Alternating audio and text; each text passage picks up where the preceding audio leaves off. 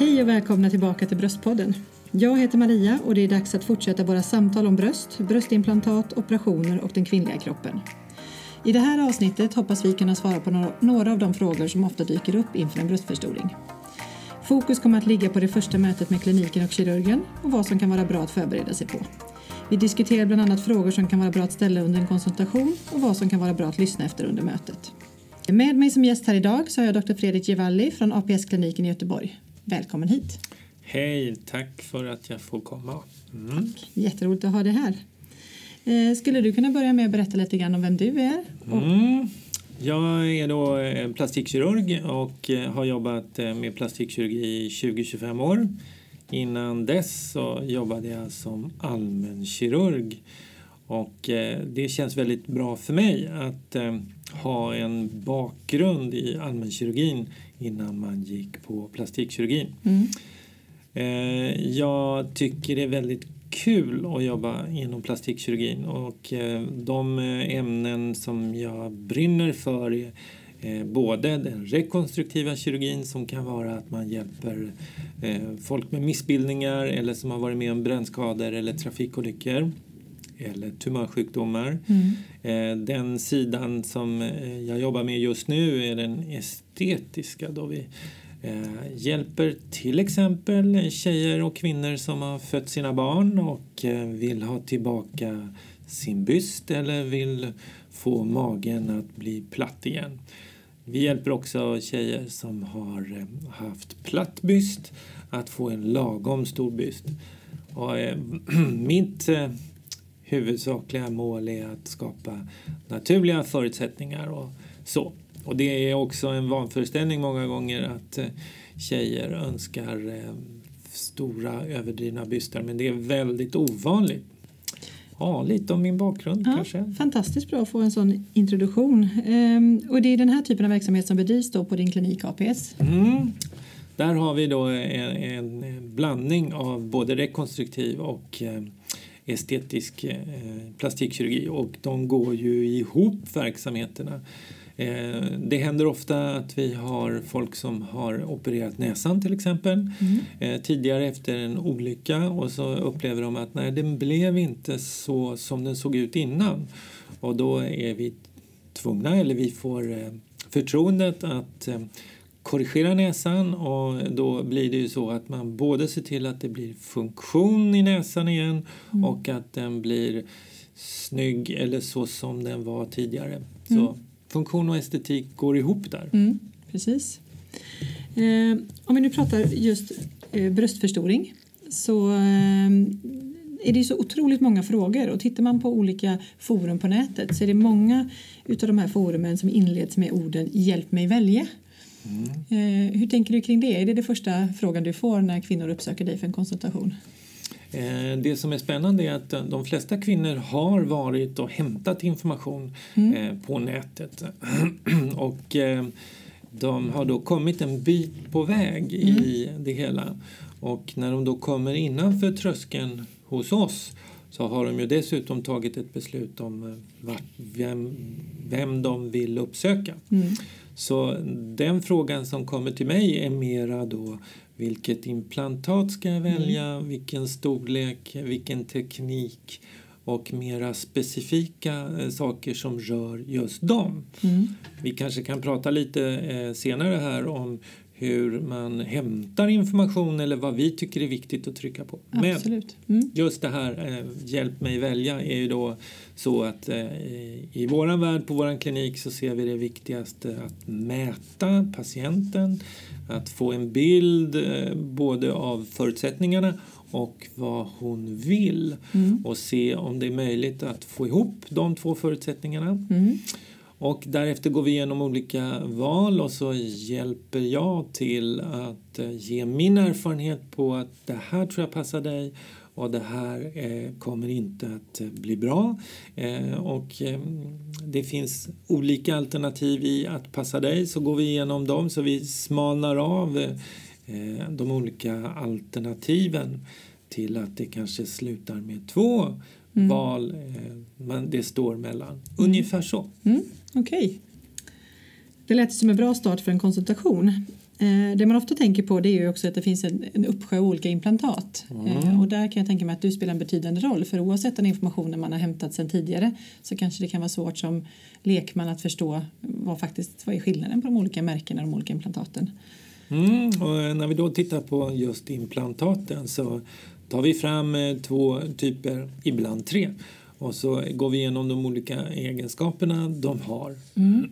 Och det som är viktigt för mig när jag rekommenderar är att det är eh, implantat som har funnits länge på marknaden där man vet eh, ett långtidsperspektiv på risker och komplikationer och hållbarhet. Mm. Och jag stödjer mig gärna då på siffror och erfarenhet när jag rekommenderar. Det finns eh, eh, nyare implantat som ser lovande ut så att eh, eh, ibland kan valet vara svårt. Men eh, för, för mig är det viktigt att gå på säkerhet och rekommendera så mycket eh, tekniker och material som ger högsta patientsäkerhet. Mm. Eh, när vi pratade om just implantaten, är, är det stor skillnad på hur länge olika implantat håller i kroppen när man väl fått dem inopererade? Mm, de äldre tidernas implantat hade eh, inte lika lång hållbarhet. De moderna implantaten som görs nu de har en väldigt bra eh, hållbarhet. Företaget Mentor eh, lämnar till exempel livstidsgaranti på att de inte går sönder. Eller rättare sagt, går de sönder så ersätter de med ett nytt implantat. Och det tycker jag är suveränt.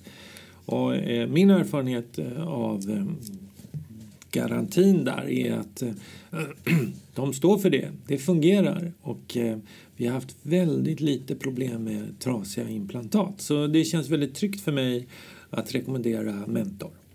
Men det finns också andra implantat på marknaden som är av hög kvalitet. Och eh, en konkurrent är Motiva till exempel. Eh, om vi går tillbaka lite till det här med storleken. Är det egentligen så att man kan välja vilken storlek som helst? Du berättade tidigare att man tittar på olika alternativ och att du förhoppningsvis lämnar kunden med två olika alternativ mm. att välja mellan. Kan du berätta mer om det? Mm, det är så att eh, eh Eh, valet av själva implantatstorleken eh, är sånt att vi då eh, mäter och tittar och ser förutsättningarna och sen börjar vi prova. Tidigare så använde vi oss av ett digitalt program, att man i stort sett i datorn bara animerade hur stor bysten skulle vara. Eh, vi har den ibland, men vi tycker det är nästan bättre att man provar och känner. Och då får man eh, en bättre uppfattning av hållning och eh, man kan prova kläder och man ser i tredimensionellt perspektiv mera eh, in real life, ja. IRL. Jag tycker det är bättre. Ja. Och då brukar det klarna vilken storlek som passar. Och mm. de flesta är ju sådana att de vill ha ett naturligt resultat och eh, då eh, är det mellanstorlekarna som gäller. Och det klarnar faktiskt ganska bra. Mm. Så att um, det här med storlekar är inte något jätteproblem. Yeah. Vid enstaka tillfälle så har jag haft någon yngre tjej som har kommit och redan i eh, när hon passerar tröskeln så säger hon att jag vill ha 500 implantat. Mm. Och då har vi sagt ja, ja, vi ska mäta och se här och så titta lite. Och sen eh, eh, visade det sig att hon var en liten nätt tjej mm. och hon hade läst på ett forum att eh, några hade rekommenderat just 500 och hon kom och berättade det vill jag ha för mm. det blir fint. Och sen provade vi och så insåg vi att det blir väldigt stort på den här mm. lilla tjejen. Och eh, det tog en stund innan vi kunde hitta de olika alternativen för henne. Mm. Så vad jag menar är att bara hämta information från eh, forum kan vara svårt. Utan man behöver då träffa en eh, plastikkirurg som har erfarenhet och kan rekommendera rätt. Det låter klokt tycker jag.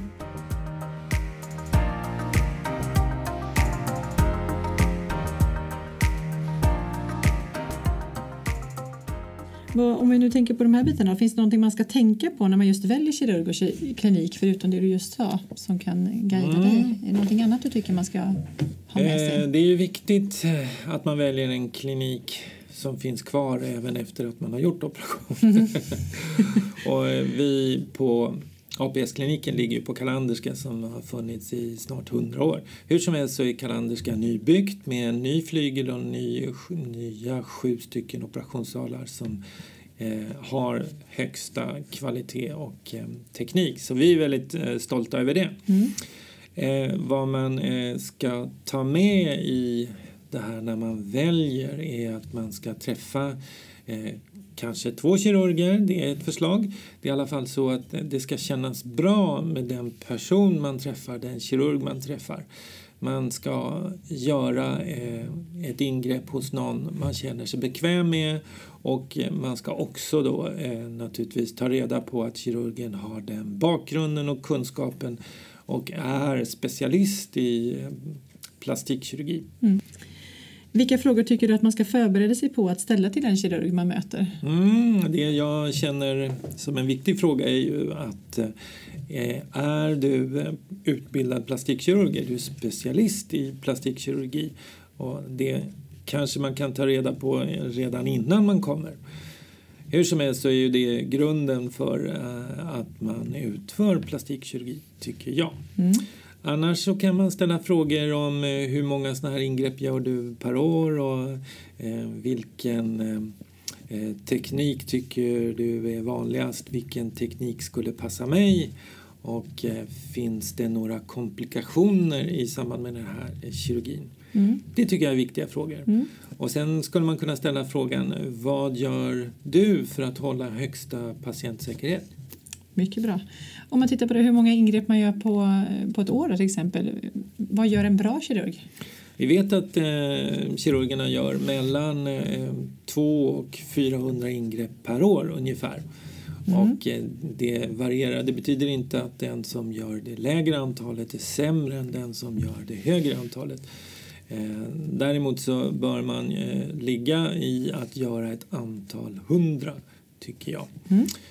Um, sen är det ju så att um, plastikkirurgen jobbar med olika uh, ingrepp. Så att uh, några plastikkirurger kan vara specialiserade just på bröst och andra kan vara specialiserade på näskirurgi och så finns mm. det ytterligare några som har en bredare bakgrund och som har jobbat både inom allmänkirurgin med bröstrekonstruktioner och bröstestetik parallellt kanske vi något senare har jobbat inom öronläkeriet så att han eller hon också är duktig ansiktsplastikkirurg och jobbar med näsor. Mm. Så att det finns eh, olika bakgrunder och man får titta och ta reda på just den här kirurgens bakgrund. Mm. Du nämnde innan att man har olika tekniker. Eh, kan du fördjupa dig lite i det? Ja, olika tekniker för bröstförstoring är då, eh, man kan säga en grundregel är att man väljer att lägga implantat framför eller bakom muskeln. Och där kan man säga att det har funnits en eh, historisk förklaring lite till att tidigare var det populärt med att lägga framför muskeln mm. och det har nu mera svängt till att man vill lägga bakom muskeln. Och det har lite med patientsäkerhet att göra. Eh, man vet att eh, om man opererar genom bröstkörteln så finns det lite högre risker eh, än om man placerar implantatet bakom mm. muskel och bröstkörteln. Mm. Man får ett implantat som ligger lite mer skyddat och man får ett implantat som har mindre risker för att få med sig bakterier. Mm. Är det någon av de här som ser mer eller mindre naturliga ut? Eh. Och eh, då eh, är det så att det som är placerat framför muskeln ger ett rundare bröst och det kan se mera fake. Mm. Några säger att oh, jag vill ha fake-looken. Mm. Och bakom bröstet ger det lite mer naturlig kurva. Mm. Och sen spelar det roll hur man är skapt så att en väldigt tunn tjej får då ett eh, extremt resultat framför eh, muskeln med ett väldigt runt klot.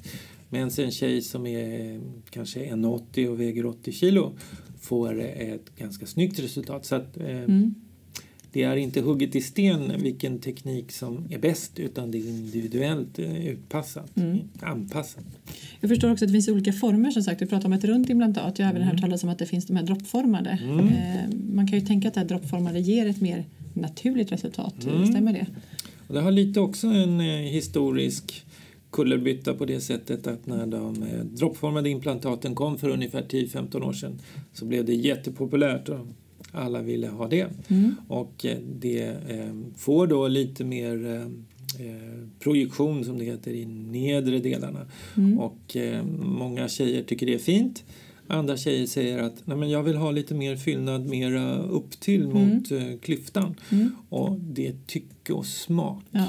Och, så, att, så att det är inte så numera att det bara säljs droppformade utan det säljs lika mycket runda implantat.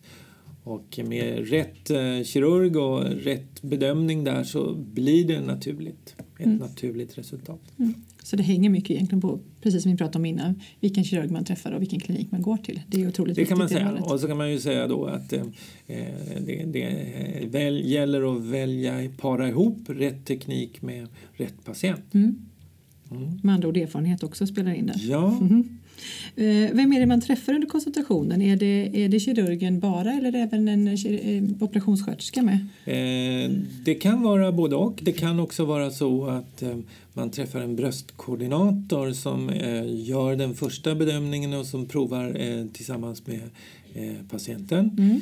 Men det ska alltid vara så att i god tid innan operationen, minst två veckor innan, Mm. så ska man ha träffat kirurgen och gått igenom ingreppet och eh, tittat på implantater och storlekar och tekniker. Så att man måste ha träffat kirurgen eh, i god tid innan ingreppet så att man har bekantat sig och känner att det här känns bra och han förstår vad det är jag vill ha. Mm.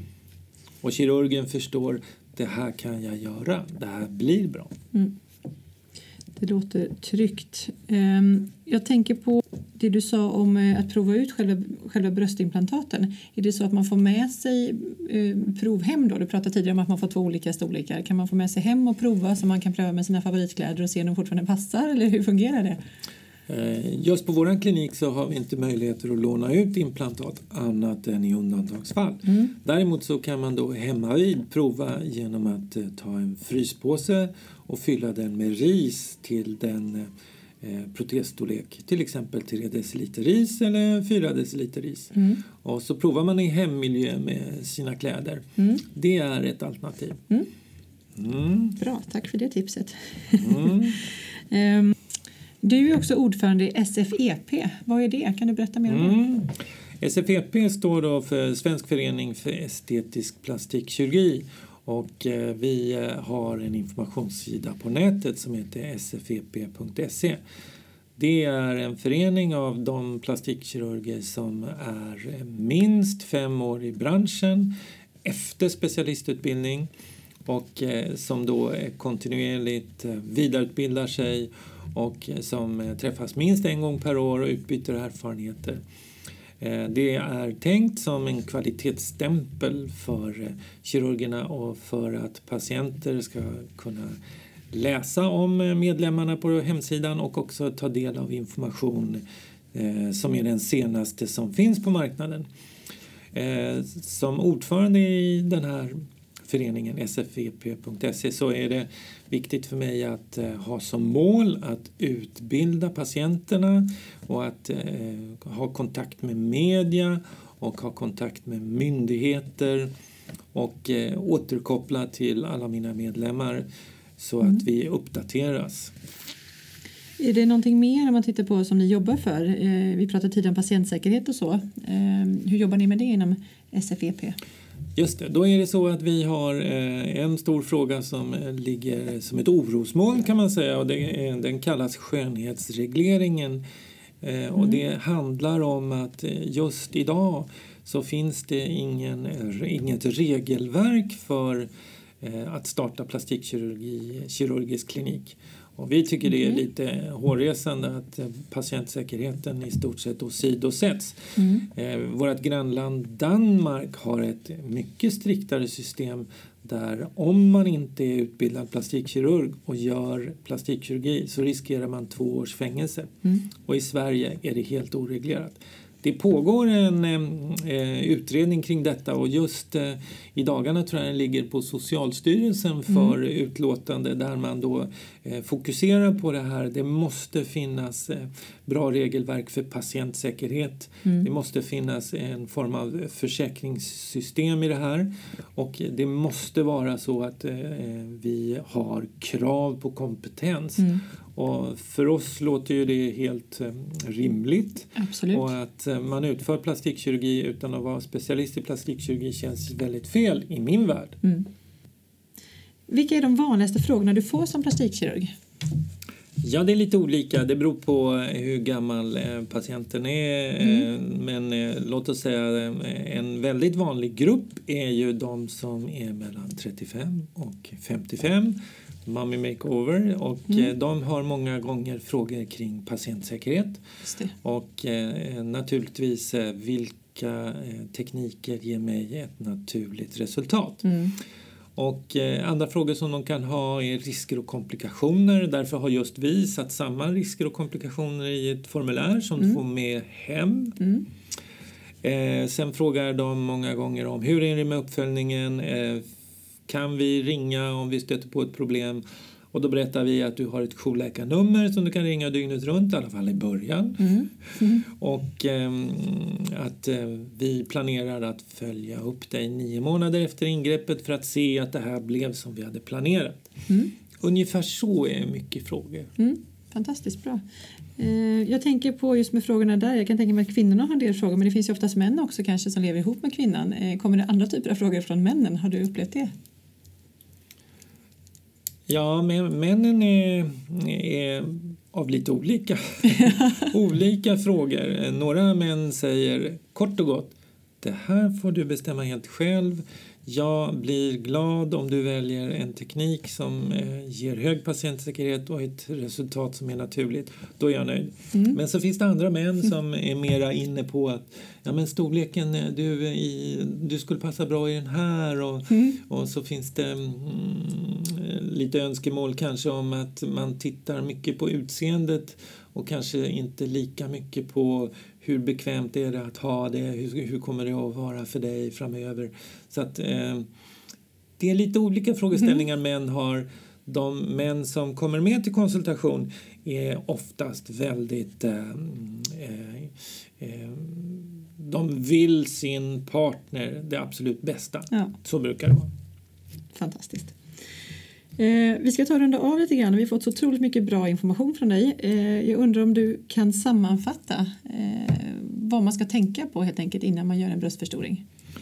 Mm, vi börjar väl i den här änden att man ska känna förtroende för den plastikkirurg man väljer. Att det ska kännas att man får kontakt. Och eh, sen är det ju naturligtvis så att eh, han, hon måste vara specialist i plastikkirurgi mm. och ha kunskap kring hela ingreppet och dess uppföljning. Mm. Sen är det ju eh, så att uppföljningen är då, ska ju då både vara viktig i korttidsperspektivet och även i långtidsperspektivet. Mm. Och vi ser flera som gör sina ingrepp utomlands att de då får en kullerbytta i sin uppföljning därför mm. att det, det, finns ingen och eh, de kommer då till oss och eh, då blir det problem mm. av att vi inte vet ens vilken teknik det är. Mm. Sen kommer vi då in på, låt oss säga, punkt fyra och där är det så att det är viktigt att det finns ett generöst garantiprogram mm. för implantatet och ingreppet och det här garantiprogrammet är så som mentors tycker vi är väldigt trovärdigt och bra. Fantastiskt.